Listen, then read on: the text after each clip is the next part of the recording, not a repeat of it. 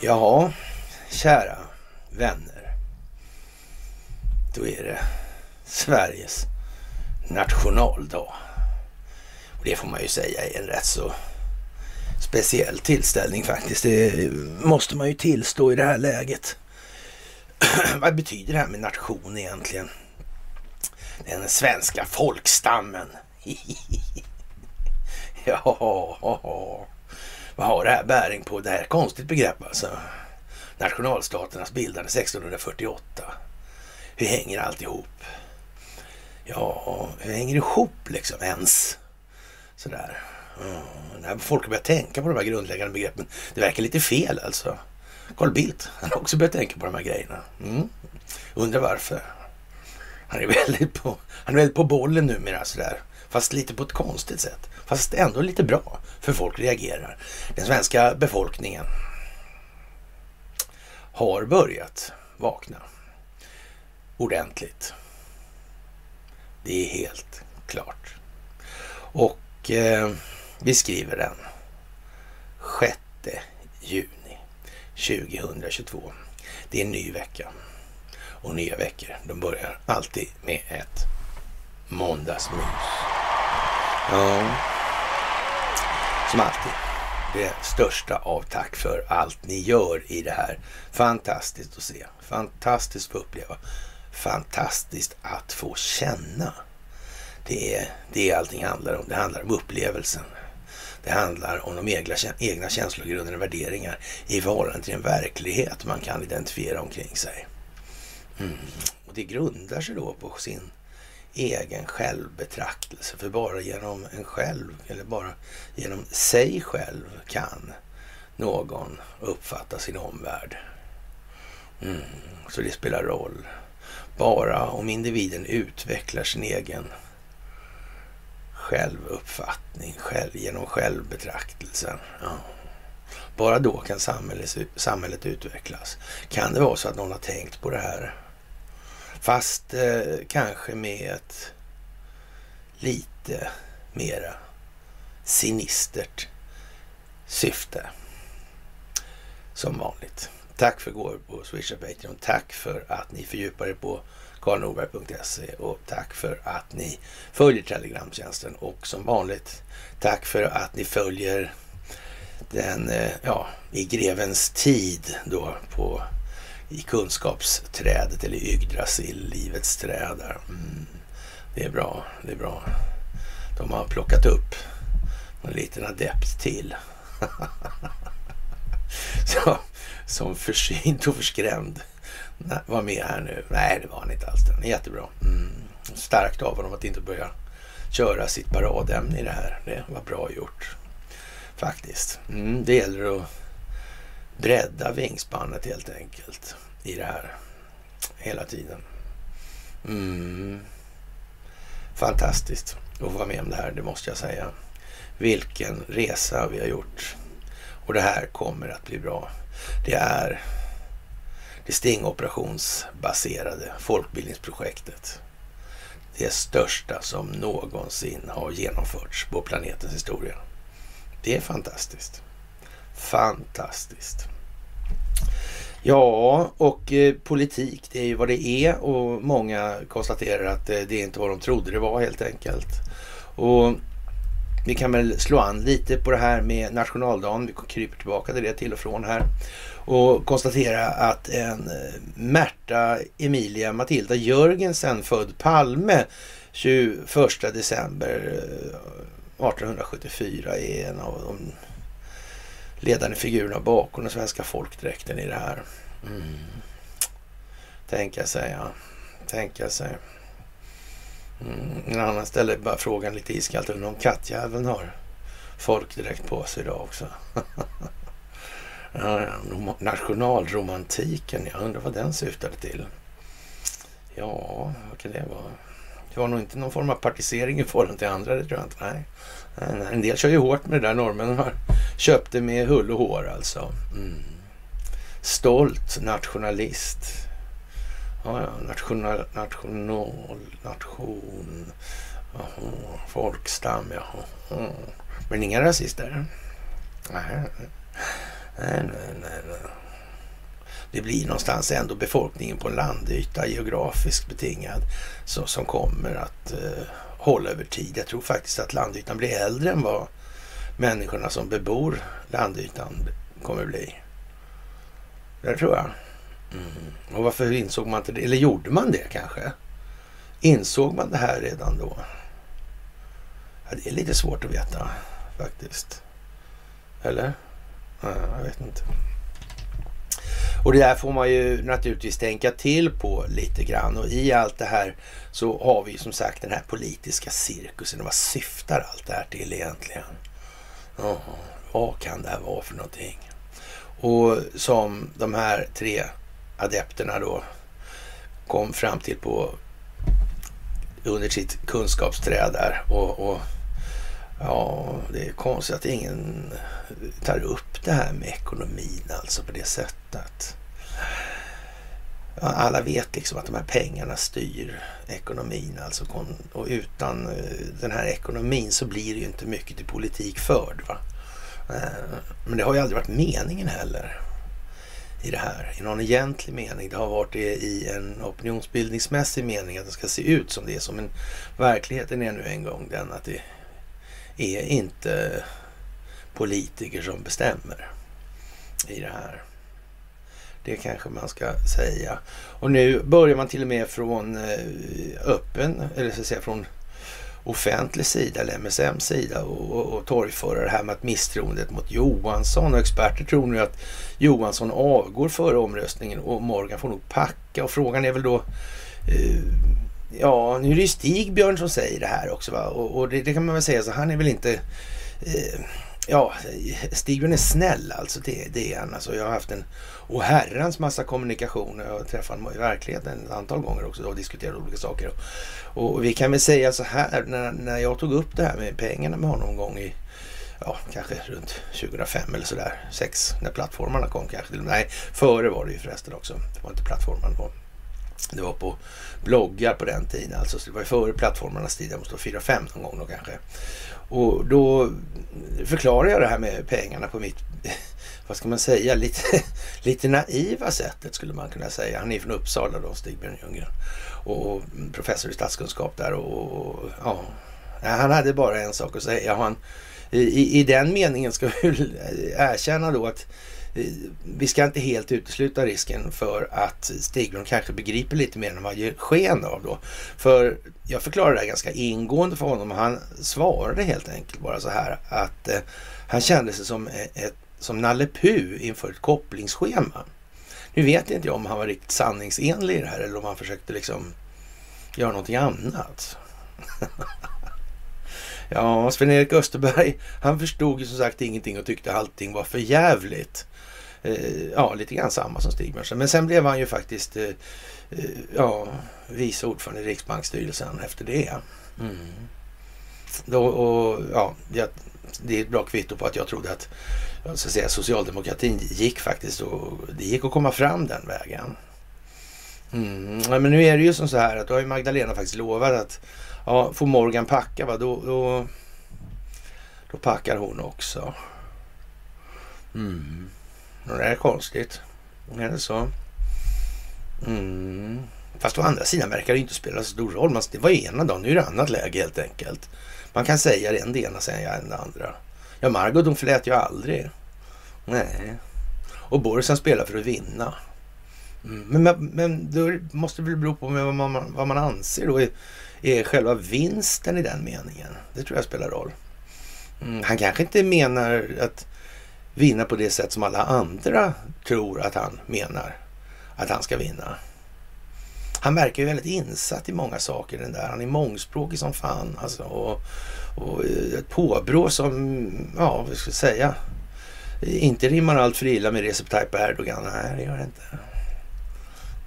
Det, det ger nog en viss resonans i de här sammanhangen. Och Recep Tayyip Erdogan han pratar ju gärna om djupa staten och hur Eh, han liksom inte vill säga att det här har varit då sedan 20-talet och kemalisterna bara. Det har alltid varit så här i Turkiet helt enkelt.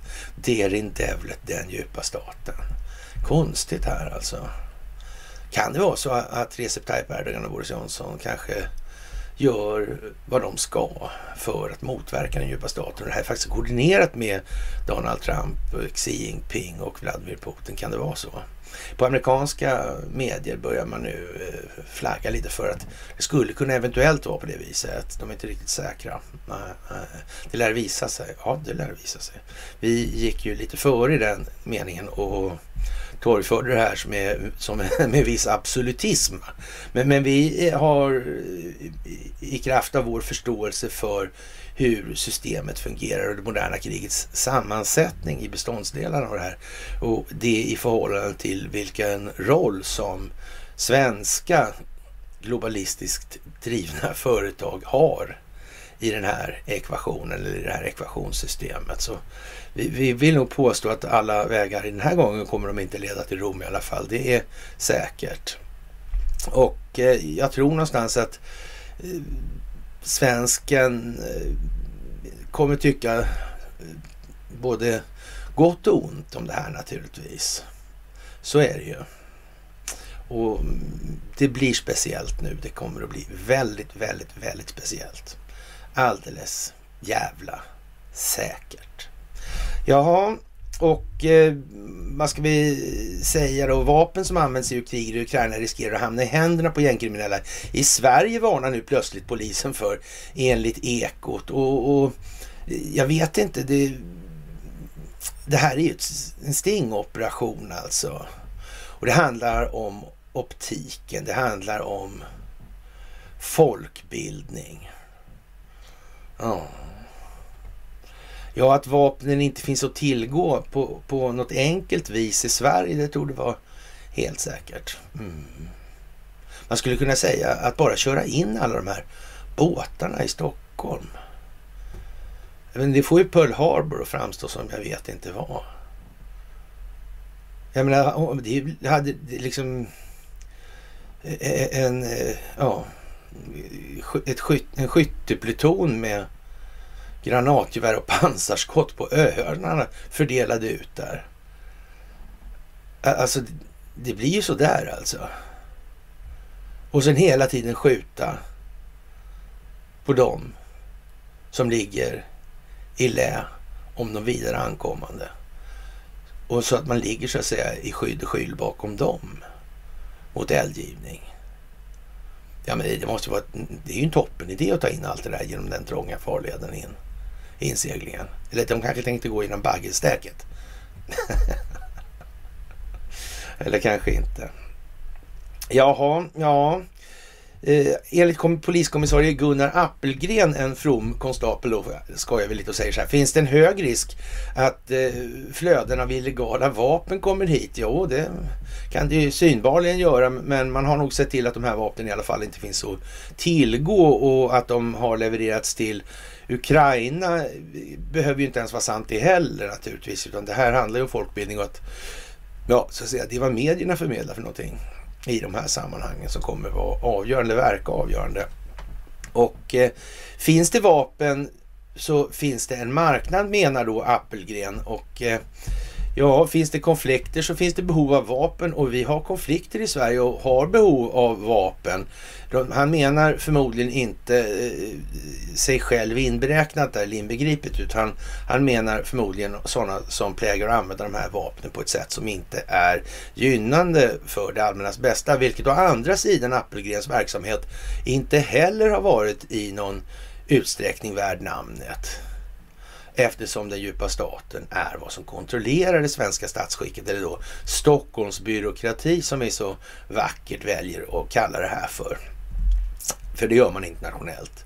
Och i nuläget kommer ofta vapnen som användes i dödliga skjutningar i Sverige från krigen i det forna Jugoslavien på 90-talet. Det här tog vi upp förra gången och rundgång på rättvä rättväs rättsväsendet lär komma i fråga igen och igen och igen. Och på tal om ljudbilder och farbror Barbro då höll jag på att säga. Men eh, det här med ljudbilder så har vi försökt rätta upp det här med ljudet på mysen nu och eh, vi hoppas att det blir lite bättre. Och jag hatar den där jävla rådemicken så kan jag slippa den så eh, gör jag gärna det och hoppas det blir lite bättre idag. Så ska vi trimma det här lite mer då. då. Och eh, ja, det är som det är nu helt enkelt. Polisen varnar svenska gäng kan komma få, att få vapen från kriget. Och eh, man kan ju vända på det och säga så här att ur, ur, ur, ur ett ukrainskt perspektiv kan vi säga så här. Legoknäktarna i Ukraina, om de får fingrarna på vapen, alltså vapenleveranser, då säljer de dem på en gång alltså. Rakt av. Så några miliser ska inte komma i kontakt med de här och, och även om man förvisso kan då med fog säga att, att Säpo är politiskt så, så får det ju ändå finnas gränser. Det kommer finnas konstaplar och personal som tycker att äh, vad fan är det där för någonting? Alltså det är ju stendumt alltså. Ska vi köra ner vapen i massor dit? Och sen kommer, det kan ju de räkna ut alltså. Även om, om analysavdelningen så att säga, på Säkerhetspolisen arbetade i ja, med lite fel eh, kurs då, eller vad vi ska kalla det. Så, så någonstans så finns det ändå skamgränser för vad de kan hålla på med i det här. Och det är den ena sidan eh, av, det här då, då att, man, att man ger ju inte miliser vapen. Det gör man ju annars när man styr miliserna och sådär. här. Men, men i, i, Ukraina har ju det här spelet har ju pågått väldigt länge och det är ju vad det är. Va? Det är ju ingen risk att de tror att Vladimir Putin och Kreml kommer gå med på att de så att säga, tillhandahåller den här typen av vapensystem. Alltså. Eh, det är ju det. Och samma sak med det här när det blir längre skjutavstånd helt enkelt. Då hamnar ju... Ja, det kan de räkna ut faktiskt. Och det är ju ingen som på allvar tror då liksom att ja, då kommer de här genierna, då miliserna, och så kommer de Eh, ja, mala på på ryskt territorium. Liksom. Det, det, förstår de vad det skulle innebära för någonting, helt säkert. Helt säkert är det så. Mm. Så man får vara lite eftertänksam i det här och tänka på det moderna krigets beståndsdelar och, så här, och konsekvenserna, militära doktriner, överraskningsmomentet. Ja, det är ju konstigt. Om, om, om då Kreml säger att nej, men de, de som levererar vapen dit, de ska få betala alltså för det. Ja, don't you worry. Det kommer en räkning vad det lider. Mm. Och ändå så gör man det. Det är liksom precis som att man flaggar upp för att legitimera vad som komma skall ifrån rysk sida tillbaka. Tillbaka kakan alltså. Men är inte det konstigt att man gör det medvetet? Ja, det, jag tycker det känns märkligt. Eller gör jag inte, men ja, i alla fall sådär. Ja, lite spännande.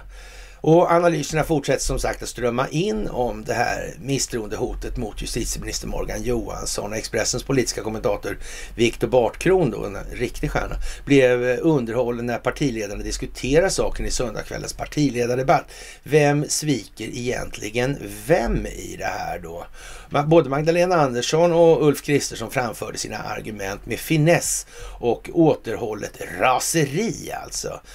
Mm, ja, men, men ändå, liksom, man kan uppfattar det så om man är extra trög i huvudet, men det tror jag inte faktiskt publiken till den här typen av, av, verksamhet som vi håller på med i Mysen. Det, det är liksom inte, nej, nej, nej, nej, nej, nej, nej gubbelilla. Ja, och, och Bartkron är väl då så att säga, ja, han sorterar in under den kategori människor som kanske inte ska ses som moraliskt fördömliga i alla lägen. Det är bara så. Jaha, och eh, därefter överraskade Ebba Busch då eh, Kristdemokraterna med ett löfte om att inte rösta bort fler ministrar om Johansson avgår. Ett löfte som Andersson dessutom lovar att tänka på.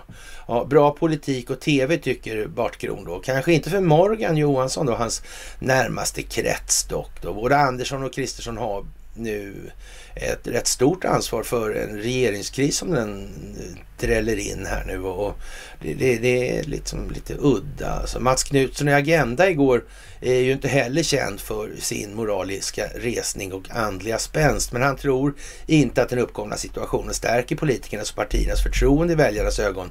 Och, och det är ju vad man kan kalla för riktig jävla pajas optik alltså. Och, och, det måste bli ännu dummare alltså. Och vi drar oss till minnes den här eh, Axel Persson, Bramstorpsregeringen. Här. Mm. Det tog sin grund då i det här försvarsbeslutet 36 och det i sin tur hade bäring på försvarsbeslutet 1925 som vi har pratat om i hundra år då. Och, och, vi har några upplagor av det där, alltså av den anledningen också. Mm. Det enda riktiga försvarsbeslutet egentligen. Sen gick alla försvarsbeslut ut enbart och främst på att gynna det militärindustriella komplexet av någon svår förståelig anledning. Vad kan det vara för någonting? Då? Ja, de vill ju tjäna pengar och enskilt vinstmaximerande. Det är ju faktiskt rätt praktiskt det där med att ha ja, det offentliga finansierandes enskilda vinstmaximeringsintresse. Det är ingen idé att de försöker, eller ingen idé att tro att de försöker dra någon fördel. För de är som man sa en gång, var det P.O. Nilsson eller var det Leo Lagercrantz? Jag minns inte. Någon av herrarna sa i alla fall att det var en typ av eh, stillsam, för att inte säga blygsam patriotism som drev då Investorsfären framåt. My ass liksom. Mm. Det är för Sveriges skull alltså. ja, ja. Det kan man ju faktiskt tänka sig. Inte alls. Jaha, och grindvakten han är i farten nu eftersom det är alla andra och jallarhornet är kontrollerat. Men det går liksom inte att visa det öppet utan folk måste vidmakthålla sina känslogrundande värderingar i en omfattning, då, eller i alla fall en tillräcklig omfattning för att kunna fortbilda sig i sin egen revision av de känslogrundande värderingarna. Ja, och då får det bli som det blir. Och då kommer då numera den eh, storbolsjeviken numera då Andreas Cervenka naturligtvis. Och han låter nu som den värsta, ja vad ska man säga, ryske revolutionären nästan lite grann. Då. Så här, Arbetarna offrar sig men direktörernas miljonrullning fortsätter. Det kan komma en dag då tålamodet tar slut alltså. Vojne, vojne. Ja, det kunde man inte tro. Ja, han låter som en riktig kommunistisk agitator utan att för den skull lägga till att ja men det var ju en kuliss. Jo, det var ju det, men de lät ju sådär i alla fall då. Mm. Jaha, vad kostar en odugling nu för tiden? Missnöjda människor kan lätt börja tänka elaka tankar. Exempelvis personer som står och eh, ja, eh, ja, förslösar sitt liv i en lång kö. Svaret 5,7 miljoner kronor. Eh, så mycket fick statliga Swedavias VD Jonas Abrahamsson i total ersättning förra året. Det var drygt 400 000 mer än 2020 då han avstod 10% av lönen i fyra månader. Flott gjort. Men då ska man komma ihåg att han i princip hela personalen, hade skickat hem hela personalen med eh, permitteringslön och 800 hade varslats. Jonas Abrahamsson tjänade under 2021 mer än 2019 före pandemin faktiskt. Och sen dess har bolagets omsättning halverats och miljardförlusterna, miljardförlusterna staplas på hög. Coronaviruset är förstås inte vdns fel eh, så vitt det går att bedöma, men vi vet inte vilken roll han har i alla fall. Jonas Abrahamsson har säkert sina kvaliteter. Planering verkar i och för sig då kanske inte vara en av dem, men Swedavia visar på ett problem som oftast uppstår när staten leker företag och det där är ju lite konstigt alltså. Det är lite anti. Marknadsmässig lön är inte alltid en garanti för marknadsmässig leverans alltså.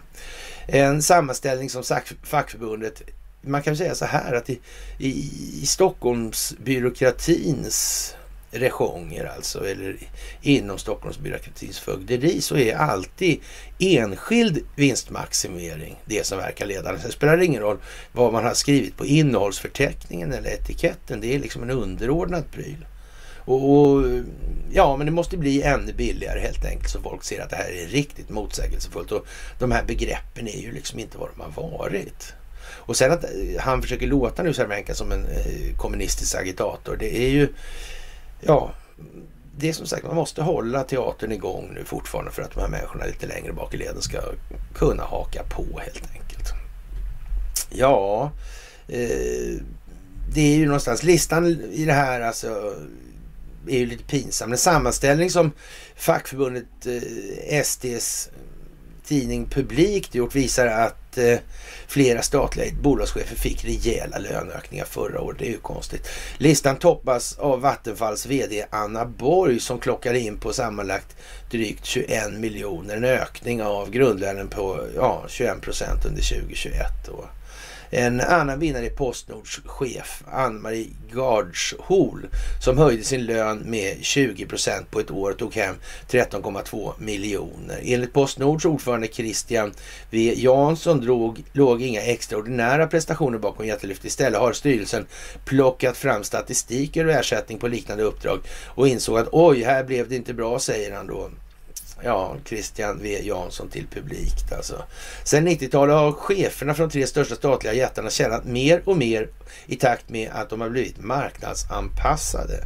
I posten har vd-lönen gått från 2,2 till 13,2 miljoner, i Vattenfall från 2,6 till 21 och i Telia från 5 till 26 miljoner. Resultatet Vattenfall har slarvat bort 170 miljarder på dåliga affärer. Posten har visat usla siffror och Telias aktier har lyckats med konststycket att halveras på 22 år alltså. Det här är ju liksom rena löjan alltså egentligen då. och, och ja, vad ska man säga? Konstigt att ingen har sagt något ändå. Eller kanske det här handlar om att göra folk uppmärksamma på vad som händer i omvärlden i en större omfattning än de har gjort tidigare. Det blir lite dassigt det här med, med bröd och skådespelsvarianterna. Jag tror det går tungt där alltså på något vis. Och ja, sådär. Lönegapen mellan ledningskorridor och personalmatsal växer för varje år alltså. Att göra den kopplingen utlöser inte sällan ögonrullningar i näringslivet. Inte kan man ställa kostnaden för utbytbara lönejon mot vad man får betala för att anlita toppchefer av internationell klass. Fackförbunden i Sverige har också valt att inte göra någon större sak av att direktörslönerna hela tiden drar ifrån alltså.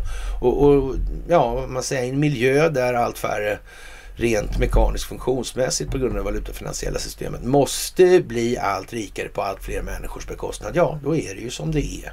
Kort sagt. Och det här gäller att exponera nu och skapa en, så att det bildas en optik som människor kan ta till sig och relatera sig själva. Och nu kommer vi ganska långt där när de ska börja kunna eller stå själva och peka på de här människorna. Och, och, och när man börjar säga då att Eh, ja, det här kan få dramatiska konsekvenser och det är klart att det kommer ju till den punkten att de här människorna kommer aldrig kunna visa sig på gatan och så vidare. Det är ju så faktiskt. Mm. Det är ju så. Men vi kommer ju inte gå så långt så att vi kommer se till att siste man är med på båten. Liksom. Det är inte det det handlar om riktigt, utan det handlar om att få fart på huvudrörelsen framåt. Då, så att säga. Vi, har ju då i det här hela tiden poängterat hur viktigt det är då att man, man så att säga eh, agerar så att i sin upplysning så att man skapar ledning för det här. Och man är den förändring man vill se alltså. Utgör den förändring man vill se i sin omvärld. Och då kommer vi också fram till att konstatera att Ja, ledare skapar ledare och, och, idag var ju första gången jag vaknar till, det var jag inte, jag vaknade långt tidigare men jag upptäckte det i alla fall sen då att eh, ja, visdomens träd hade liksom börjat blomma så här på nationaldagen. Det är ju trevligt att se. Och naturligtvis inte alls planerat och, och sånt där liksom, så fult. Nej, nej, precis. Ja, frågan är alltså förstås enligt eh, grindvakten här hur länge svenska industriarbetare och tjänstemän är beredda att ligga lågt och se sina lönekuvert bli tunnare samtidigt som miljonrullning till företagsledningar fortsätter. Det kan komma en dag då tålamodet tar slut. Kanske är det närmare än vad många tror. Ja, då, då är det liksom lite uppviglingsvariant här. Och det är möjligt att det appellerar till några. Det är inte alls omöjligt. Nej. Kanske rent av sannolikt. Men frågan är nu vad som är problemet. Och om vi nu ska adressera det här som är verkligen problemet när det gäller ekonomin så är det trots allt den inneboende funktionen, den mekaniska funktionen alltså. Och, och, karaktären på det valutafinansiella systemet är skuldmättat som vi kanske har nämnt någon gång. Sådär. Ja, ni vet ungefär. Och ja, vad ska jag egentligen säga? Jag har ju lovat att inte prata om det där så mycket, men, men ja, som sagt. Det finns klipp och det här senaste klippet på Free People's Movement. Ett fantastiskt pedagogiskt klipp på engelska. Det är det. Mm.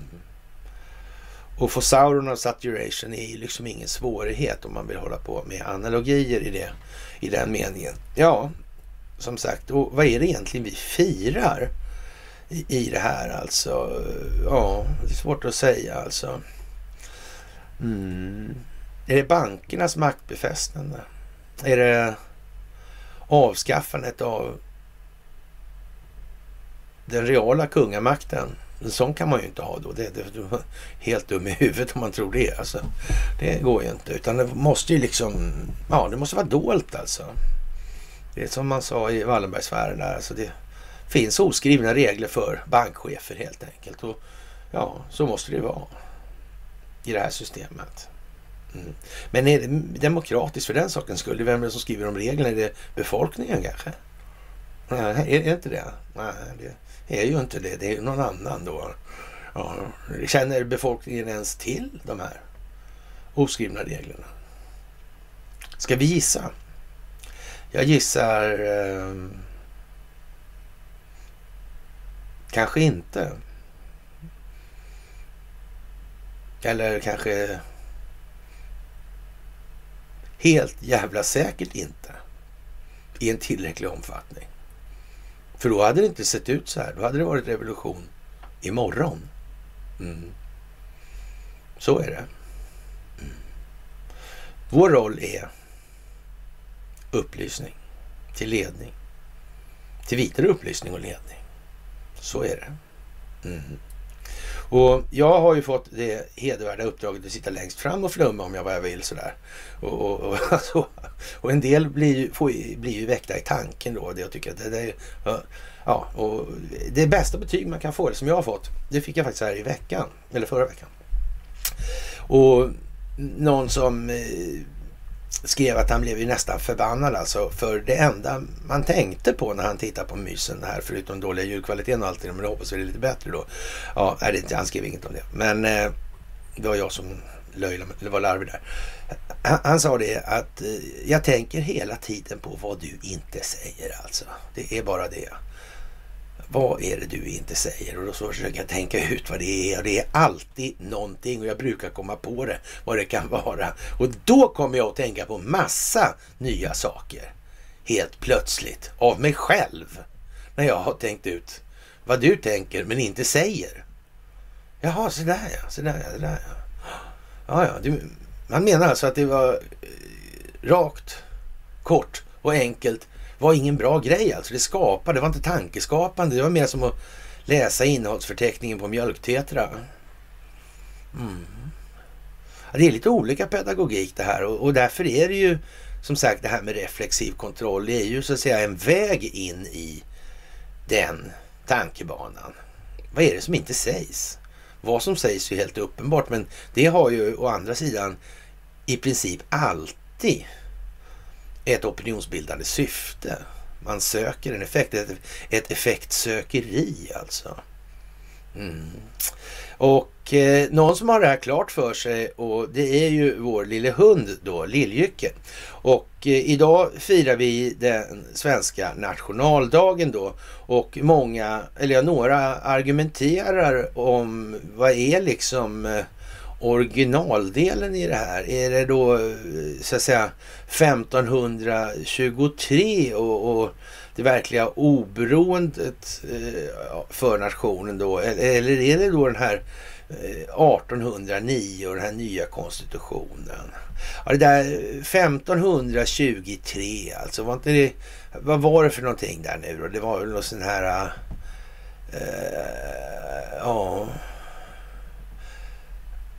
Handelsmonopolförbundet va?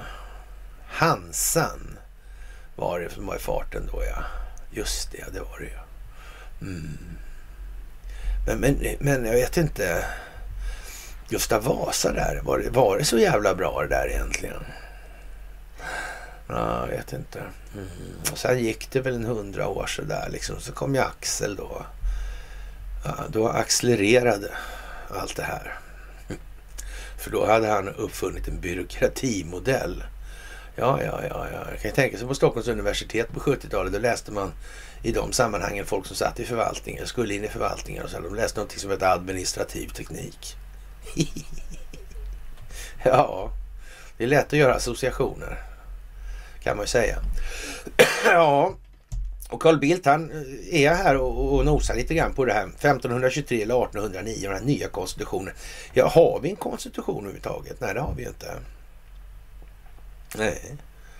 Vi har ett antal grundlagar som, som eh, är ja, ägnade att ge sken av att det här står till på ett annat sätt än vad som gäller i verkligheten. Och, och det är en viss skillnad emellan det alltså. Mm. Det, det, ska man inte glömma bort nu här alltså. Jaha, och eh, vad ska man säga? När i det här då, han är ju dessutom särskilt sändebud Carl Bildt då, i Ukraina tillsammans med Göran Persson och Jan Eliasson. Och man, man får ju någonstans eh, tycka att det är lite speciellt det här med vapenexporten och då vad det innebär att man ändå kliver i det på det sätt man gör alltså. Och, och de här vapnen då säljs på Darknet och undrar man kanske lite grann så här att men Darknet där alltså att inte underrättelsetjänsterna kom på liksom att det är dark web eller darknet och att de, och det med Tor också. Att de inte kom på att göra det där. Då skulle ju alla liksom, ja, där kommer vi undan liksom. Vi, ja, vi skickar ut lite fiffiga typer som har lite trovärdighet ja, ja, så att säga, alternativsvängen och så förespråkar de det här då. Mm. Att de inte kom på den enkla. Eller gjorde de det? Rent utav. Jag vet ju inte. Alltså det här med öppenhet och transparens, det är inte så dåligt som folk tror alltså. Utan de som förespråkar det här andra, mm, ja, sådär alltså. Sådär faktiskt. Mm. Det är en gammal käpphäst det här och eh, det är många som inte riktigt greppar det här alltså. Faktiskt. Och det är värt att beakta den här frågan. När börjar det här landet egentligen? Och har det börjat ens? I någon egentlig mening? Mm. Ja men om den här, eh, vad ska vi säga, entiteten eller intresseinriktningen har verkat ledande hela tiden? Är det någon större risk för att det här egentligen har kunnat kallas för ett land då, i någon egentlig mening? Och när man blandar in nation i det här, då har man ett folkstamsbegrepp helt plötsligt som någon indianstam eller vad som helst. Ja. Där i och för sig vem som helst kunde komma och gå. Man svarade mot eller så att säga, kraven från övriga gänget. Då. Ja. ja. det där är ju lite värt att tänka på nu alltså. Jaha, och eh, flygplatskaoset ger hopp om att recession kan undvikas. Och jag vet inte, flygplatskaoset runt om i Europa är ett av flera uppmuntrande tecken som tyder på att både recession och stagflation kan undvikas. Ja, det kan man ju säga att det kan. Man kan ju säga så här, folk kanske fattar nu att det här är helt hopplöst och säger så det här systemet kan vi inte, ja, vi, kan vi inte ha kvar. Det lägger vi ner på en gång helt enkelt. Mm. Men det här måste ju gå över i små steg helt enkelt. Det går inte så fort och då, för då blir det bara kaos. Och då kommer det finnas massa olika enskilda nyttomaximeringsintressen som kommer att lägga sig i, i det här för att gynna sig själva. Så är det också. Ja, det är ju lite speciellt alltså. Och, och sen kan man väl eh, kanske då lite Eh, snäsigt då konstaterar då att de här begreppen stagflation och, och nu är skuldmättnaden har inte kommit sådär. Internationellt har det kommit men, men, i Sverige har det inte kommit riktigt än. För den dagen är ju liksom, då är det ju natta. Alltså, det är en människa i princip i det här landet som har kört med det hela tiden, hela vägen. Så, eller ja, hela vägen, det är en människa och sådär. Så det, det är klart att det, då blir det ju helt tokigt liksom. Och, och alltså säga att det finns dokumenterat, det är som sagt glömskan hos interneten är oftast överskattad alltså. Mm. Det verkar snarare som att de har avlyssnat och, och, lagrat mer data än vad många faktiskt föreställer sig. Faktiskt. Jaha, 1944 06 06. Ja, där landsteg man i Normandie alltså. Mm. Och hela den där verksamheten. Ja. Som sagt, konstigt, konstigt, konstigt. 2022 06 06 alltså, då har vi nationaldag här. Det är ju konstigt också. Mm. Vi vet ju inte ens vad det är för någonting. Vi vet ju inte hur gammalt det här landet är. Vi vet inte. Hur kommer det sig där egentligen? Man, man så, säger, så säkert kan säga då i amerikanska fallet då att eh, ja, the founding fathers där alltså. Mm. Den amerikanska konstitutionen där 1776 alltså. Mm. Men då hade ju ett gäng varit typ tidigt på 1600-talet eller 1638 då så hade ju då eh, Axel varit i farten och, och börjat kladda på det där också. Mm. Med, med, med, sina indiska ambitioner. Mm. Konstigt det där. Men man vet att då, hade, då slog några även och så vart det lite sådär äh, frihetskrig och sådär. Och frihet från kolonialväldena. Mm.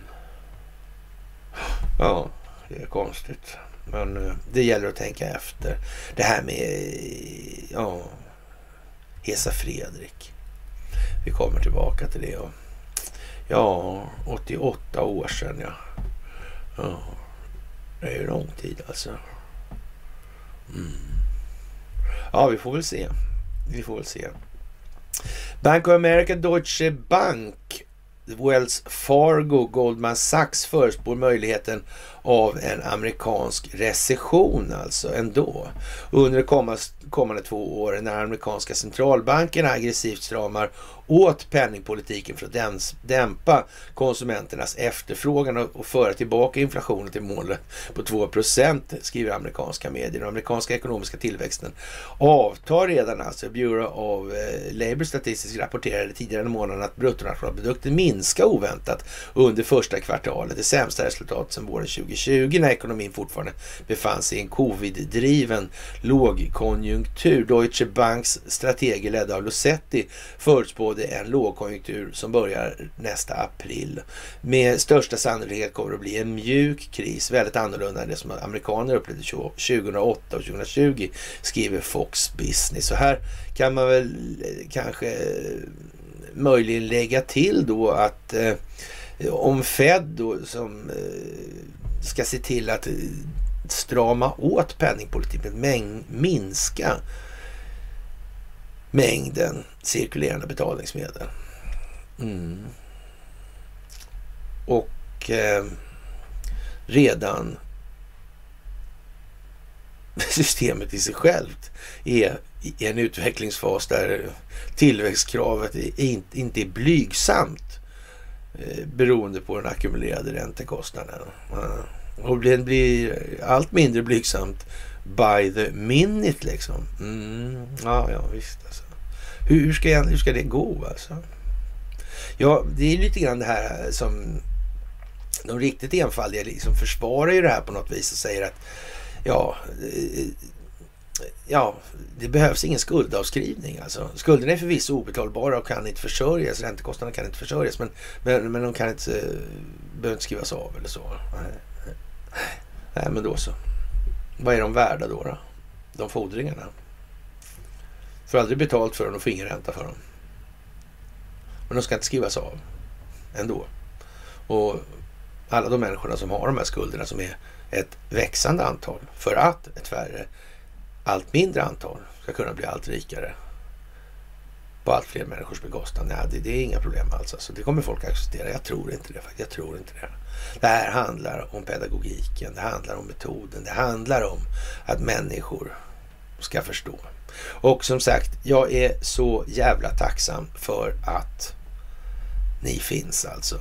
Och det är fantastiskt att se när de här produktionerna kommer nu. Det är helt otroligt bra. Och vad alternativrörelsen ägnar sig åt i övrigt i det här landet, det blir ju liksom, eh, ja vad ska vi säga, det blir ju mest lite tragikomiskt eller ska vi säga. Nu, nu pratar hela världen om det här amerikanska valfusket i den meningen att det, ja, kan man valfuska där och nu är det ju Dominion upp och ni kommer kanske ihåg det här eh, ja, väldigt omtalade Facebook-klippet jag gjorde då om eh, Dominion-maskiner och eh, George Soros. Så det här var ju liksom då i anslutning till valet 20 strax efter då kanske till och med, eller om det var till och med var innan. Ja. 2020, det här som Kent Werner tar upp och säger att det är tiotusentals som följer, det var det säkert också då, men, så så här, ja.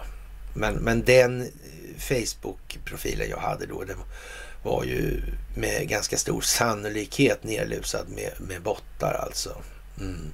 Och, och, därför gjorde man som man gjorde då, för den där, det går inte att rädda. Möjligen kan man då använda det i någon form av process efteråt, det här mot Facebook då. Som, ja, för det här är ju sparat då naturligtvis.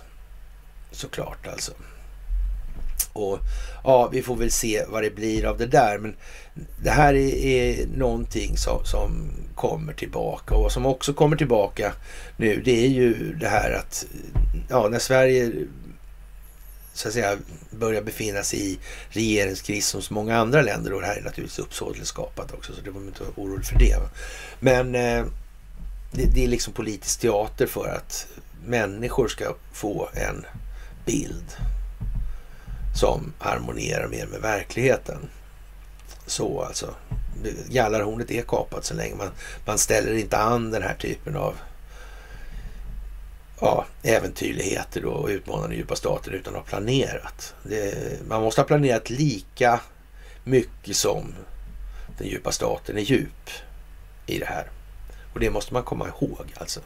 Det, det går inte liksom att, att, att, ta några stycken och mörda dem. Avrätta dem bara. Gitmo. Nej, det går inte. Det går inte. Det är som jag sagt tidigare. Det, det blir för barnsligt alltså.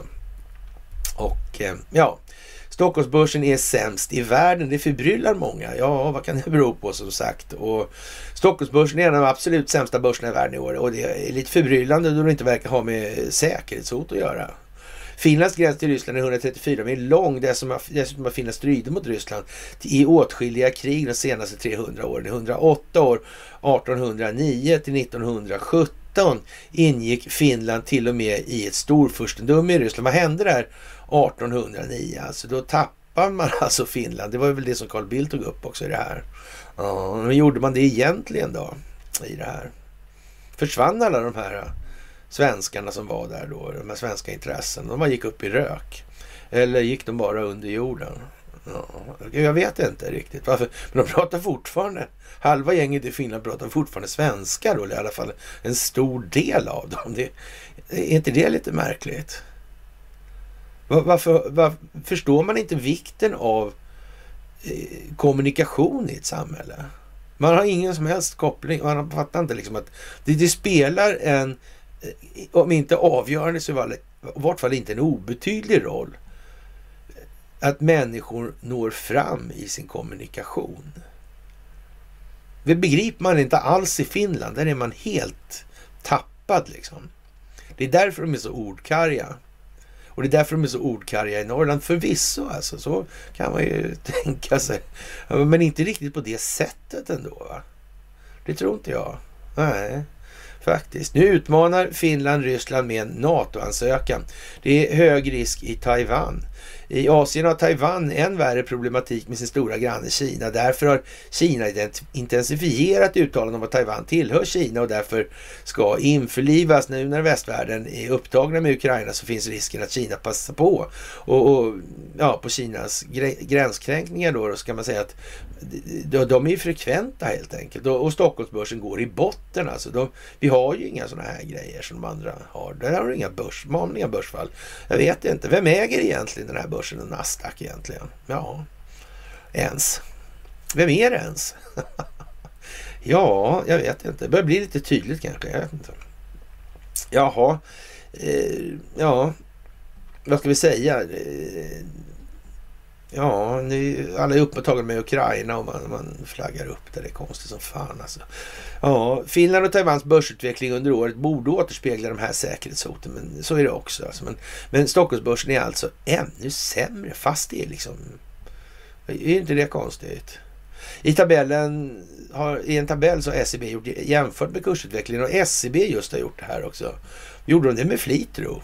Eller vill de förmedla ett annat budskap för att ingjuta förtroende i marknaden?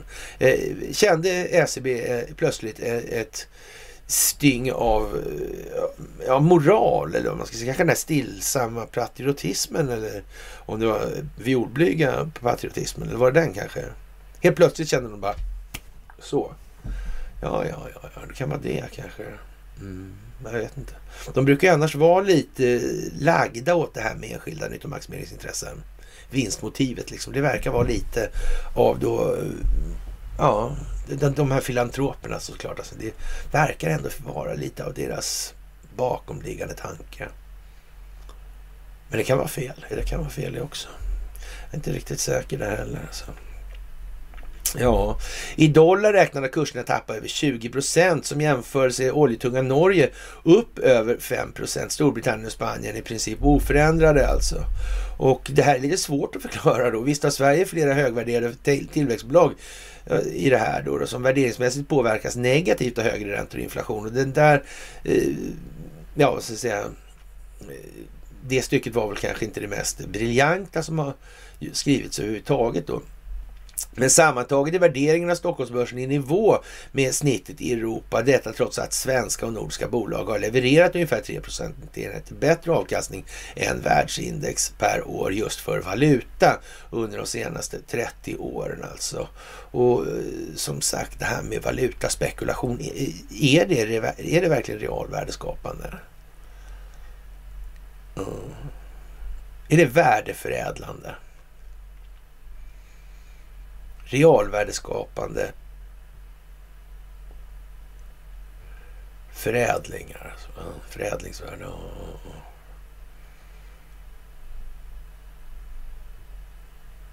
Ja, det är konstigt det där. Vilka konstiga ord alltså. Mm. Svenska företag, åtminstone de större, är välskötta överlag med starka balansräkningar och Nordiska bolagskoden är om än lite omständlig i fullt klass om inte bättre än den anglosaxiska. Jag, jag, jag noterar alltså att dagens PS börjar hållas med, svängas med begrepp som anglosaxiska och sådär. Varför då alltså? Och, och Carl Bildt han börjar prata om 1523 alltså. Och, och sådana här och då Hansans, tiden för Hans, slutet, sen, sen tid för Hansan i vart fall. Alltså det höll på till mitten på 1600-talet ungefär. Ja, det, här är ju lite, det här är ju väldigt märkligt alltså. Det verkar vara det verkar sitta ihop och någon kanske känner varandra. Den här tanten Palme där som först med folkdräkterna, hon kanske kände någon också. Ingen alls kanske, nej. Nej, nej, nej, nej, nej. Det är dags att tänka om. Stockholmsbörsen förtjänar bättre alltså. Ja, det är ju lite speciellt alltså nu. Ja, de nordiska bolagskoden är om än inte omständlig ändå fullt i klass som inte är bättre än anglosaxiska. För att inte nämna det tyska där facket har veto och så vidare. Så Förmodligen är det fortfarande gamla försyndelser som fungerar som en autopilot för de stora kapitalförvaltarna. Och det är dags att tänka om Stockholmsbörsen förtjänar bättre. Ja, frågan är varför ska någon jobba överhuvudtaget? Varför kan inte alla bara sitta och spela på börsen? Jag tycker det är konstigt alltså. Faktiskt. Det är ju mycket märkligt, mycket märkligt faktiskt. Ja, det är ju lite... Ja. Jaha, och eh, som sagt, man använder ju de här kulisserna hela tiden återkommande och man kommer att använda dem in absurdum nu för att folk ska förstå att det här är ju liksom ingenting att hålla på med överhuvudtaget. Det är ju fan stört löjligt alltså. Ja, vi har eh, en fantastisk tid att se fram emot nu och det här är då ja, samtidigt som den svenska nationaldagen, det ryska språkets dag. Där har man alltså en idé om att då, vad ska man säga, det där med språket det är viktigt alltså. Det, det, är ju helt klart. Och det börjar man torgföra i andra länder, eller i Ryssland då, i synnerhet just nu. Mm. Är det så att eh, Sverige har bedrivit verksamhet i Ryssland som har främsta syftat till att destabilisera den ryska statsmakten? Kan det vara så? Eller är man nöjd med den eller respekterar den? Det gör man inte va? Nej. Nej, nej. Men om man inte gör det så kanske man inte heller ska förvänta sig då att motparten nödvändigtvis beter sig bättre än vad man själv gör. Jag tycker inte det verkar riktigt rimligt alltså. Ja. Ja, och europeiska imbeciller i sin iver visade återigen att de betraktar sina egna medborgare i sin verksamhet som fiender, inte mindre än ryssar alltså. I slutändan kommer ingen att få något, varken här eller utomlands. Och, och, alla investeringar förvandlas till damm. Och man kan väl säga i det här systemet som är skuldmättat så är det svårt att se att det någonsin ens kan misstas för att bli en annan utvecklingsriktning än att det bara blir pulver av alltihopa. Ja, men, men som sagt, det här måste tas i delar. Och man börjar inte det här projektet bara för att, att rasera alltihopa. Och, och sen stå där och nu är allting paj och nu, nu vi vet inte vi vad vi ska göra. Så är det naturligtvis inte. Man har naturligtvis en plan för fortsättningen också i det här. Givetvis. Och, och, det blir ju lite grann så att vi blir ju tilldelade roller i det här utifrån vad vi har varit och vad vi själva tidigare har gjort i de här sammanhangen för den här utvecklingsriktningen. Det är ju så det blir också med viss automatik, viss given automatik helt enkelt.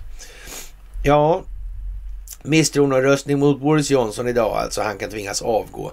Det är rörigt på den djupa statens avbytarbänk helt enkelt.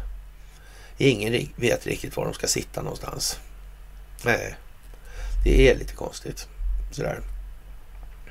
Och han spelar som sagt för att vinna, men vad det är att vinna, det framgår inte riktigt ännu. Men, men vi kan ha hans anfader i salig åminnelse i det och, och kanske till och med dra det till att se det som en indikation på vad som komma skall i den meningen. Ja, och eh, det här historien med Epstein och Clinton och ja, det har ju varit mycket konstiga grejer här kring dö dödsögonblicket och ja, ja, konstigt det där. Mm. Ja, ja, ja, ja, ja. Och ja, funnen hängande då i en hängsnara och, och så att säga skjutit bort halva bröstkorgen och, och ja. Det var ju konstigt. Men det var självmord. Ja, det blir lite löjligt naturligtvis. Och eh, ja, det här med Ukraina överhuvudtaget börjar ju bli liksom rena lytisk, intellektuell lyteskomik då. Och här hemma i Sverige har vi den här eh, uh, Kaka Baka. Och eh, det kan bli så att de ofrivilligt röstar emot alltså i det här. Och det kan bli så eh, på grund av att eh, hon säger så här, den politiska, eller man säger så här från Omnis sida, den politiska vilden eh, Amineh Kakabaveh står fast vid hotet om att fälla justitieminister Morgan Johansson i tisdagens misstroendeomröstning. Men ett nytt möte som äger rum senare idag, säger hon till TT. Bollen ligger hos dem och det gäller att socialdemokratin ska stå upp för överenskommelsen och inte vika sig för Erdogan och Turkiet. Annars kommer jag tyvärr ofrivilligt rösta emot, säger hon då i ett sms. Alltså 174 ledamöter kommer att stödja Johansson, 174 vill fälla honom. Vilket gör eh, Kaka tillbaka eh, till utslagsröster. Det är helt otroligt alltså. En av Turkiet terroristkrasslad människa som sitter i svenska riksdagen och har utslagsröst i den här tillspetsade situationen. Och faller Morgan så har Magdalena Andersson pantat in sin politiska trovärdighet. Hon kört sitt chickens race där och slängt ut ratten och vi får se om hon har en reservratt i handskfacket helt enkelt. Vi undrar hur det är faktiskt i den delen. Ja, det gör vi kanske inte alls. Men i alla fall. Jaha, det här var konstig grej alltså. Wales till VM slog ut Ukraina i... Slog ut det blågula... Ja, Ukraina i playoff alltså. Det var ju konstigt det där. Mm. Hur kan det bli så? Ett självmål också. Ja, imperiet svajar betänkligt. Mm. Berör skådespelsindustrin. Den svajar också betänkligt. Inte mindre. Nej, nej, nej. Självmål som sagt ja. Och Elon Musk han är förbannad på det här med distansarbetare. De kan gå och låtsas jobba någon annanstans än på Tesla, säger han. Men eh, egentligen kan man säga så här också. Det kan man ju tycka. Så. Men det är väl så här också att eh, spelar egentligen var någonstans människor utanför den realvärdeförädlande produktionen låter sägas, alltså, alltså, eller låtsas arbeta. Det kan de, de göra vad som helst. De kan sitta där och låtsas. Det blev ju inte till något i alla fall. Eller hur? Det är så utanför den realvärdeförädlande produktionen. Ja, vad då? Det är ju det som alla, vi alla lever på då. Mm. Men, men, men, att folk ska sitta och få massa betalt för att låtsas göra någonting som ska se ut som det har med någonting att göra. I den meningen. Det kan man ju... Det är ju lite konstigt. Kanske folk måste förstå det där. Ja, jag vet inte. Jag vet inte faktiskt. Det är svårt att säga. Volymen på krigsströmmarna är i alla fall inte så svårt att säga någonting om. Den, de här måste mullra överväldigande faktiskt och de måste skapa både rädsla och uppgivenhet nu. Det är viktigt alltså, för trots hotet då alltså. Storbritannien skickar raketartillerisystem alltså. Och ja, det är långdistansraketer då och som sagt, det är vad det är i den, i den meningen. Mm som sagt, det får vi se vad det blir av det. Och, och, man undrar ju då lite så här försynt i det, i det sammanhanget då, eh, ett militärt alternativ då, istället för att tala om att man får de här vapensystemet. Om man skulle se det ur ett militärt perspektiv så kan man väl tänka sig att det kanske hade en fördel då rent operativt, effektmässigt, att inte tala om att man får det. Då är det ju kanske, ja, rent utav så att folk kommer för nära för sitt eget bästa. Mm. Ändå så gör man det. Ja. Det, här, det hade nog inte varit en stor nackdel med viss återhållsamhet i exponeringen av information i den här frågan. Då. Och, och det här med, jag ska säga, ja, doktrinen om överraskningsmomentet och momentets effekter alltså. Är det verkligen så jävla värdelöst? Jag är inte säker på det alltså. Och det här måste man faktiskt tänka efter på när man tittar på dem nu. Och, ja, folk som håller på med det här och, och jag ska säga, i strategiska sammanhang, de är inte hjärndöda alltså. Skillnaden är stor mot gemene man i den meningen. Mm, faktiskt. Och som sagt, att vakna till en dag som denna för landet då, Kunskapsträdet podcast episod 6. Fantastiskt roligt alltså. Och det kan vi säga alltså det här att när ledning, ledning skapar ledare till ledning för vidare upplysning och ledning då. Och det här är lite komiskt också, för det är en från hojsvängen, en från finansbranschen och en från den tekniska produktionssvängen då. Alltså vem som är vilken kan ju kanske lätt räkna ut då i det här. Och, och emotionell självförståelse, monetärmekanik och geopolitik är vad det här handlar om då. Och eh, Ja, därför har vi då i den här en miljon olika föreläsningar vi har åkt runt och gjort i det här landet stått på just de tre benen i det här. Och, och det här är ju en, en sån sak som vi tycker är lite konstig alltså. Att man inte ens försöker från andra håll att göra någonting. Kanske man är tillsagd att inte försöka för det ska liksom... Ja, de har inte... Av, av någon, en eller annan anledning så har de ju inte gjort det själva. Så är det också. Mm. Av en eller annan anledning. Ja. ja, det är alltid minst en del som saknas helt och hållet. Så är det ju. Ja, lite sådär äh, bra att tänka på just nu alltså. Mm. Jaha, 1523 den 27-årige adelsmannen och upprorsledaren Gustav Eriksson Vasa har sedan 1521 som ledare för befrielsekriget mot danskarna varit svenskarnas riksföreståndare. Denna dag blir han under ett riksmöte i Strängnäs vald till Sveriges kung.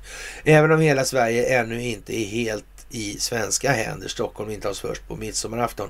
Den sista svenska borgen Viborg faller i händer eller svenska händer först den 10 oktober och fredens slut först året därpå, brukar kungavalet ses som det symboliska slutet på Sveriges medlemskap i Kalmarunionen. Vilket symboliserar landets nyvunna självständighet alltså och därför firar man det här. Och ja, som sagt, det fanns inga handelsintressen bakom det här alls i, i något som helst sammanhang då. Nej. Det var inte bara en jävla teater. Nej. Och de här kungarna, de hade jävligt mycket inflytande i verkligheten. De här som höll i plånböcker och guld, de spelar ingen roll. Nej, nej, så var det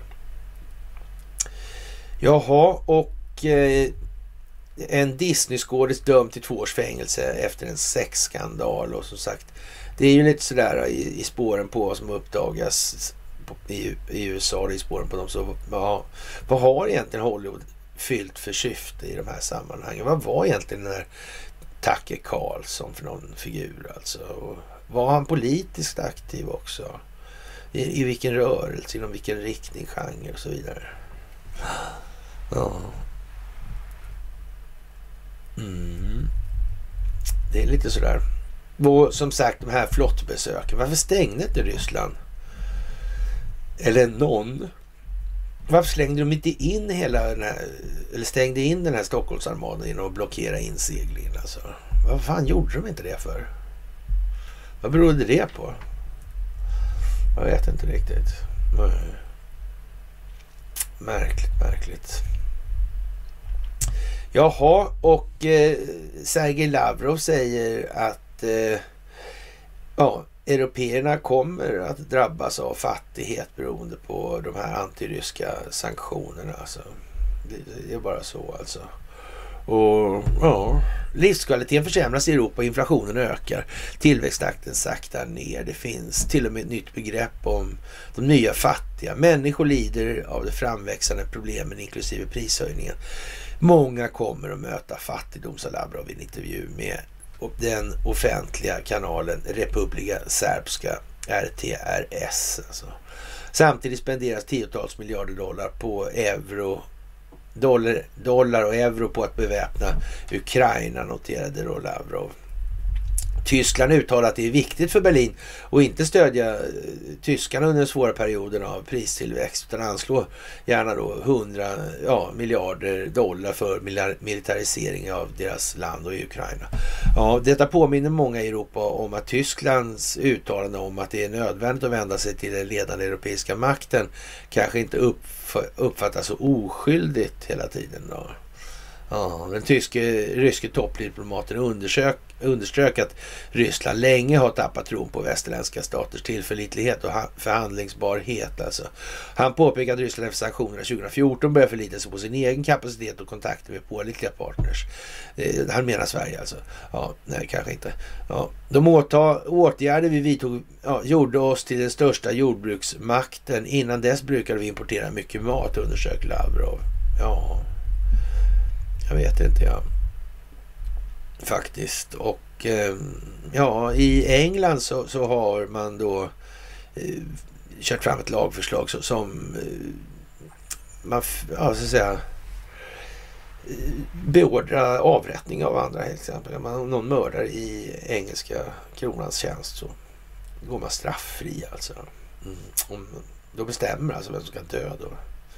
Ja, ja, ja.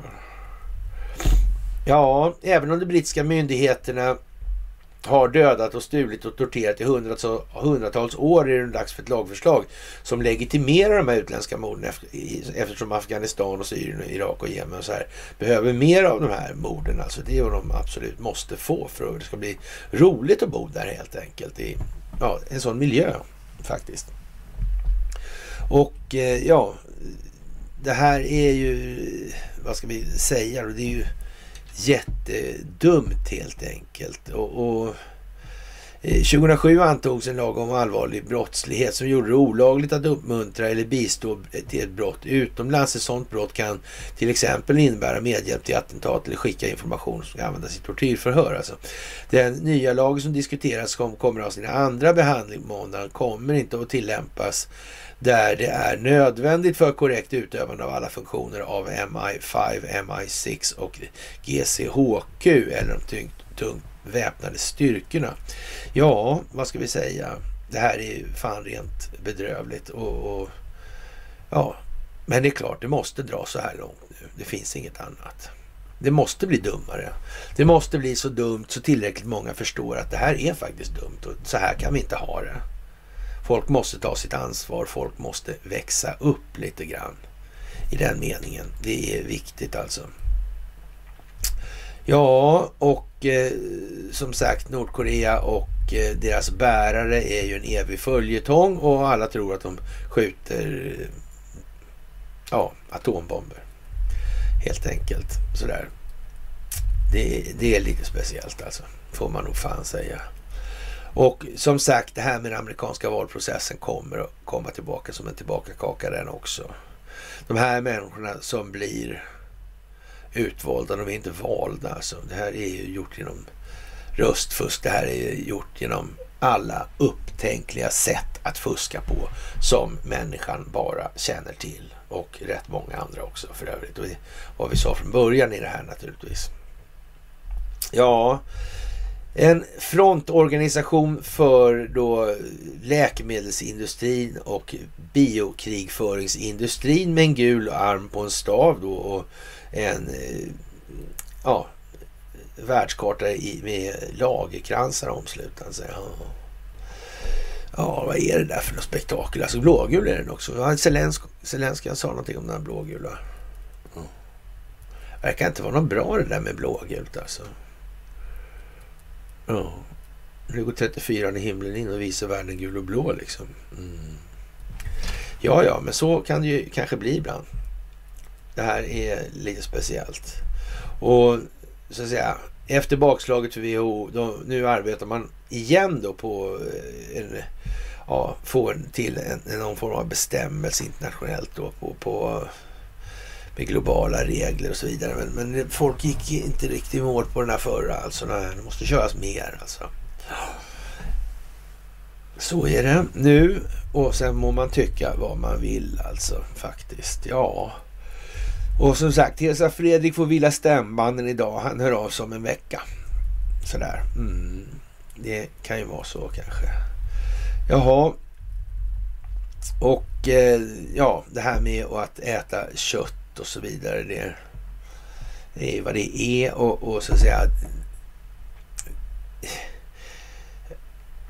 Proteinintaget är ju liksom lite avhängigt NPU-värdet, hur mycket nettoproteinutnyttjande går att använda till. Det är byggstenarna det är frågan om, alltså man ska bygga vävnad och så. Mm. Ja, det är ju det faktiskt. Mm. Oh går det ens att ta upp? Alltså att var i magtarmkanalen tar saker och ting upp? Ja, jag vet inte. Men som sagt. Och eh, Martin Stensö gjorde ett klipp igår tror jag. Och eh, mm, försöker eh, SVT att väcka det svenska folket. Där är ja, där jallarhornet. Vem fan är det som bestämmer alltså? Vem är det som bestämmer och har bestämt vad och varför? Med vilket syfte? Jag vet inte. Jag vet inte. Ja, det är lite sådär va? kan jag tycka. Mm. Ja, hur är det här med så att säga nödsändningar och ta kontrollen över, kontrollen över sändningarna i Ukraina och det kommer nog våra lider. Det ska vi nog inte helt bortse från risken för i alla fall. Ja, det är ju lite speciellt får man nog säga trots allt. Jaha, och eh, ja, på 100 dagarsdagen då i det här ukrainska kriget då så ja, lämnar då Joe Biden ett starkt meddelande till Ukraina. Alltså, ge upp helt enkelt. Och, ja, sådär va. Mm, får man nästan säga. Det får man nästan säga. Mm. Jaha, och eh, ja, den som talar om skattesänkningar i det här läget saknar förmåga att lägga, sig, lägga samman plus och minus. Det där. Mm i realtid. Konstigt.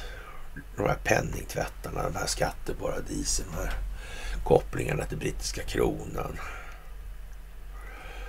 Skatteparadisen, skatteparadisens jurisdiktion. Är det ett problem? Jag vet inte. Det är konstigt alltså. Per Lindvall är en annan uppenbarelse av då Cervenka-mässig karaktär och han är numera inne på telekomfiaskot och från början vill han inte ens begripa det här med hur pengar skapas som ett problem alltså. Så jag vet inte. Det är, äh, Vi får väl se vad, vad, han tänker ta vägen i den meningen. Och, och det är bara att googla Lindvall på bloggen som sagt så ser ni honom i ett antal kommunikationer med mig och sådär så det är väl egentligen inte mycket att säga. Mycket att säga det när man har förlorat 395 miljoner på börsen då, P4 Örebro. Och vad tar pengarna vägen då när de försvinner från börsen? Hur mycket kan det försvinna från börsen utan att det liksom blir en katastrof i någon sammanhang eller i någon egentlig mening? Hur går, går det ens? Jag vet inte, men det är möjligt att göra. Jag är inte säker. Det är jag inte. Jaha. Och Eh, ska de hålla på med sånt där överhuvudtaget? Det vet jag inte. Ja, som sagt, Peter Wallenberg, han har ju väl så tydligt rätt ut en gång i tiden att det, ja, det finns alltså regler för bankchefer som inte behöver vara skrivna. Punkt. Jävla slut liksom. Sen är det bara med det alltså. Ja, sådär. Och eh, det figurerade massa uppgifter igår om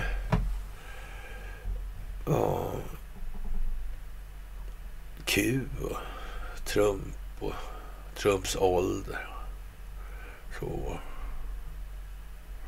Ja, vad kan det här bli egentligen? Och ofta när de kommer, kommer de här prylarna då så... Ja, är det spionsammanhang. Det är lite Mata Hari nästan va? Mm. Lite Garbo. Mm. lite Harry Winter. Mm. lite midsommar. Så vi hoppas väl att hela den djupa staten får en väldigt trevlig midsommar i den meningen. Så kan man ju säga i alla fall. Ja, ja, ja. ja. Jaha, och eh, ja, de här labben ja. Ja. Det här med vattenreningen hotas av kemikaliebrist. Hur fan är det med det här egentligen? Ja, det är mycket som man måste tänka till på. Man ska inte, tala, ska inte sitta och tala om vad det här är liksom egentligen. Putin försöker koppla grepp om Afrika, säger då Omni. Och jag vet inte heller alltså. Vem är det som finns där? Är det den djupa staten kanske? Och, eller eh, det finns ingen djupstat där. Det finns inga utvinningsföretag typ som... Eller utvinningskopplade företag som då Atlas Copco till exempel. Det finns ingen kraftförsörjningsindustri typ som ABB. Eller, det finns inga telefoner i Afrika. Nej, nej, okay. nej men sådär alltså. Det är ju konstigt. En annan konstig grej, är de här krogbrödernas imperium kan förlora alla alkoholtillstånd. Och, och, det har ju att göra med bakomliggande finansiering i sådana här sammanhang. Ja. Tänk om det finns fler som har det. Alltså kanske till och med samma. Ja, ja. ja. Ja, vem vet alltså vad det blir av det här. Vem vet alltså. Mycket speciellt helt enkelt. Och, och många har ju varit inne på bollen eller inne på banan här under gångna år och det får man ju nästan säga är speciellt det också nu. Så det kommer att bli väldigt speciellt i Stockholms restaurangmiljö i vad det, vad, vad det lider nu. Det är helt säkert. Och eh, en amerikansk polis då, eller sheriff har då gjort, eller väckt åtal mot det amerikanska röstförfarandet i en delstat. Mm. Ja, vem vet alltså. Det kan ju vara som det är. Ja, och eh, ja. påven eh, gör sig till tolk för tillvaron just nu och påstår en massa obskyra grejer. Och det där är ju lite originellt faktiskt. Så han säger så här till exempel. Bland statscheferna finns det bara en som står upp mot ondskans makter. Räkna inte med Boris Johnson i England, räkna inte med Macron i Frankrike, räkna inte med Draghi i Italien. Säger biskop Williams alltså. Och, och ja... Det är ju lite sådär alltså. Någon är, försöker sätta stopp för det här. Men han sa inte Donald Trump, han sa inte Xi Jinping. Han sa inte Recep Tayyip Erdogan. Nej. Nej, nej. Nej, jag vet inte. Det, det kanske bara är så. Sådär. Ja, ja. Och eh, i The Global News så säger man att NATO är dött och eh, ja, ingen vet det bättre än deras grundande medlemmar i det här. Och, och ja, vad fan ska vi säga egentligen? Det är ju bara som det är. Och, och ja, många saker nu är ju liksom det här. Äh, det blir ju liksom lite Kafka-artat helt enkelt. Får man nog säga. Jaha, i Norrland har vi ett Indien och herr Mattsson byggde järnvägar med sina telegrafer och fick sen köra, Indi, köra vidare med samma sak i Indien som en konsekvens av det. Storbritannien så lägger man ihop honom med Ivor Thor Grey. Och ja, som sagt, FNs specialrapport kritiserar Sverige inte levt upp det konventioner man lovat att följa. Och eh, ja, som sagt, det här är lite speciellt faktiskt. Och Eh, Hitlers stabschef Adolf Heusinger blev chef över NATO. Vi har ju tagit upp de här grejerna så många gånger och på föreläsningar och i texter. Så, och mys och så. Så det är bara som det är nu. Och ja, som sagt, Erdogan vill att Hultqvist ska sparkas. Ja, tänk, håller han reda på det? Ja, tänk alltså det gör han ju. Ja. Och eh, mm, jag vet inte heller. Alla sporter och allt det Det är ju bara samma tema faktiskt. Det, det, måste jag säga. Och jag tycker att det eh, börjar bli lite knepigt att få liksom ett pedagogiskt grepp på det. Sådär. Eller liksom komma med något nytt eller sådär. Det är ju bara samma sak hela tiden. Och jag, därför är jag extra tacksam för att andra tar och gör det här och bryter ner det i en lagom nivå sådär.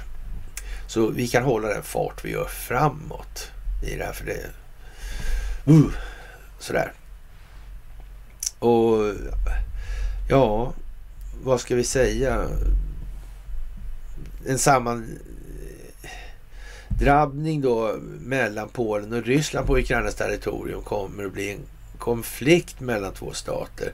NATO kommer inte att blanda sig i det här. Och ja, vad ska vi säga egentligen? Är det ett problem då med sammanhållningen i NATO i det här? Ja, ingen aning faktiskt och, och så vidare. Det, det, är ju svårt att... Mm. Okej. Okay. Jaha. Kinas ambassadör i Ryssland, Zhang Hanwei, Hanwei Eh, säger så här. Vi måste en gång för alla avsluta USAs hegemoni med deras eviga önskan att blanda sig i suveräna staters inre angelägenheter eller stats angelägenheter. Det är ju lite sådär kanske vi ska säga, trots allt alltså. Och det här med nazismen, det är också speciellt. Så ja, jag vet inte. Sådär. Det är ju... Det här med att, rabbla en innehållsförteckning, vad leder det till? Det handlar om att skapa processer. Igångsättning helt enkelt. Mm. Få folk att börja leta själva. Ja, Wallenberg styr över eh, 400 mediekanaler. Skriver bladet. Ja, så är det ju. Det är inte mycket att be för. Det finns inte mycket att säga egentligen. Nej. Jag vet inte. Man började manipulera det svenska vetet på 30-talet. Öppet alltså. Hur lång tid man hade hållit på före det. det. Men ja, det är vad det är här nu. Och eh, NATO är dött och eh, ingen vet det bättre än grundarna alltså. Det är ju så. Mm. Polisen är vad de är i det här. Jaha, och eh, ja, vi har en hel del att se fram emot i veckan som kommer nu. Det är alldeles säkert.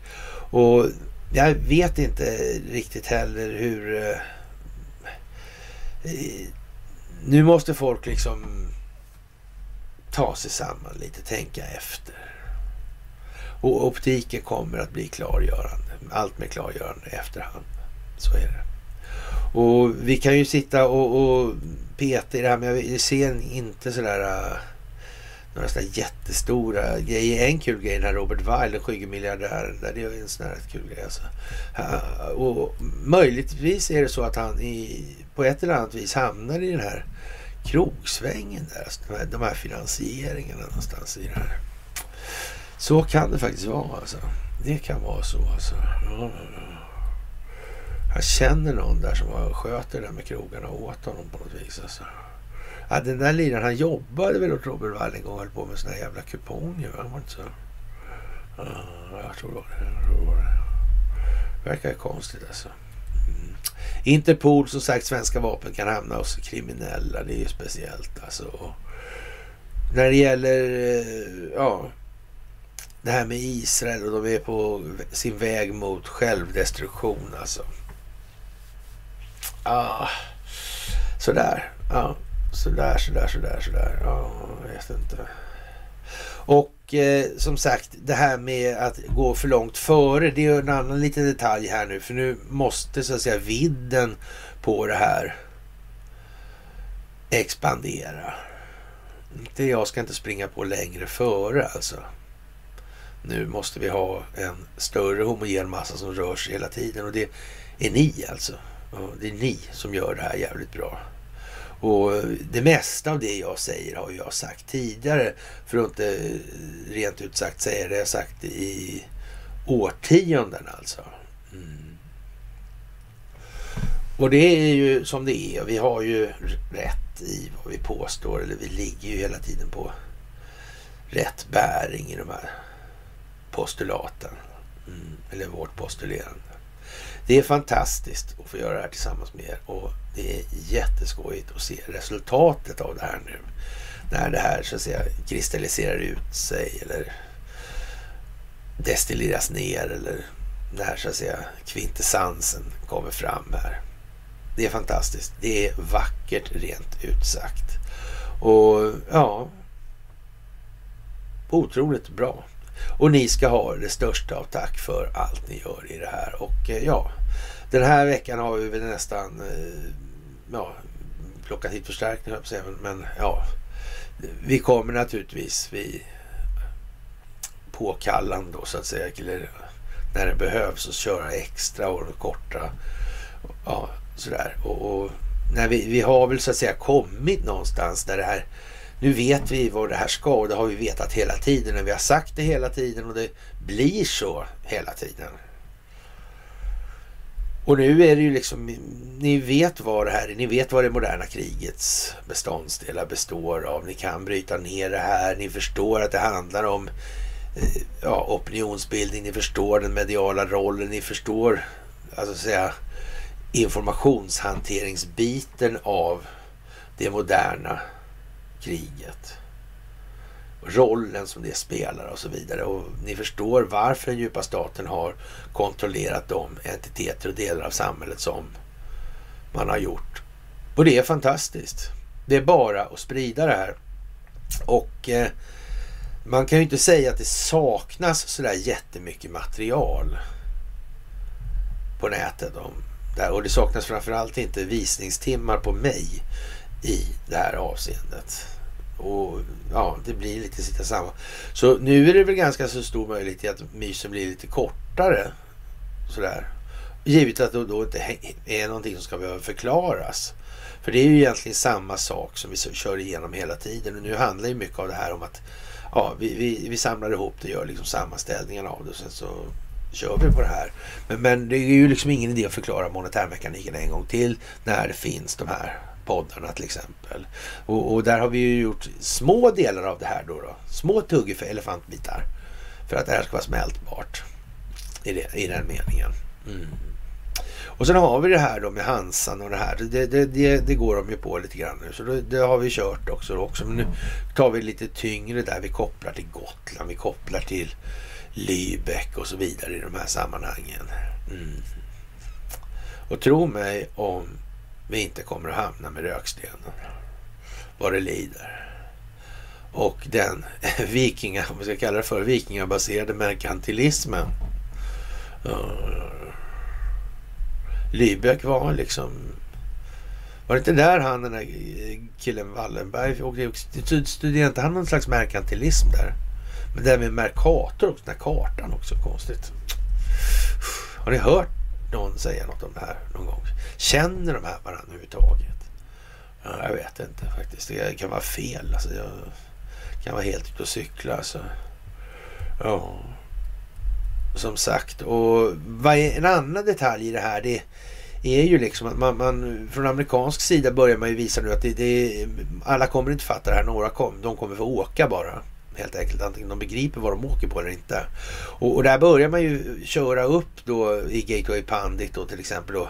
När, när man intervjuar då eh, ungdomar och, så, och det avslöjar liksom en, en klart störande bildningsnivå hos människor alltså. Och, och, det är väl kanske lite det jag vill säga här nu. Nu gäller det att slita med. Och då får det vara lite enklare helt enkelt. Vi ska, vi ska gå framåt här alltså, och sen kommer de bakom ta hand om bredden i en större omfattning då så att säga. Men det gäller alltså att tänka på hur det här spelet spelas, eller måste spelas, för att nå högsta möjliga verkningsgrad på insatsen. Man får inte slarva alltså. Så. Det är det. Och med det kära vänner så får vi väl anse att vi har gjort vad vi ska när halva regeringen i Estland får gå ovanpå regeringskrisen i Sverige och ovanpå misstroendeomröstningen mot Boris Johnson i England. Så jag menar, om man tittar då på den djupa staten i, i Europa och ja, runt Skandinavien och så här. Ja, vad blir det av det här egentligen? Vad blir det av det här? Jag tror det blir exakt som vi har sagt att det ska bli alltså. Och med det, kära vänner, så får ju vi säga att nu har vi klarat ut det här den här dagen. Och ni ska som vanligt ha det stor, största av tack. Och eh, med det så syns vi väl på onsdag om ingenting annat fantastiskt roligt händer under tisdagen. Sådär, och det vet vi ju inte nu. För nu jävlar kan det gå undan alltså. Så är det ju. Och då kan det ju vara så att det kan vara större grejer som man måste sätta utvecklingsriktningen för. Vad kan det här vara för någonting? Vad är det här för någonting? Vem tänker så här? Varför förmedlar de den här informationen? Vad är syftet med den här förmodligen? För den förmedlas ju ändå någonstans av vilka intressen, med vilket syfte, varför? Är det så möjligtvis så att de har räknat ut att man måste kontrollera de här intressena för att kunna driva det här opinionsbildningsmässigt genom reflexiv kontroll. Förr eller senare blir de här jävla dumheterna för mycket för människor i allmänhet och de står inte ut. Men när det gäller ungdomar i USA till exempel så har man nu deklarerat att eh, det där är jävla bottenlöst. Vi kommer att lämna dem alltså. Mm. Så är det. Och jag kan säga så här att en rätt så bra grej i Sverige det är köttberget alltså. Köttberget inuti är en otrolig kraft alltså. Det är pensionärerna 40-talisterna alltså. Mm. Det finns en brytpunkt där. Det är så. De må vara giriga och så vidare. Men tro mig alltså, när Per Nuder sa det här med köttberget. Då fanns det en viss frustration i det där. Han visste vad det där kan ställa till med. Man kan inte ha så många Stockholmsbyråkrater som helt plötsligt får för sig. Nu gör vi något åt det här. Det räcker nu helt enkelt. Ah, ah, ah, de är alldeles för ego för att släppa någon så långt över bron. De har sina sidor. Men de har en del bra saker också med sig. Så är det. Tänk om någon har tänkt på det. Tänk om någon har tänkt på det. Kan vara så. Kan vara så. Ja, kära ni, jag önskar er en trevlig måndagkväll så hörs vi senast på onsdag.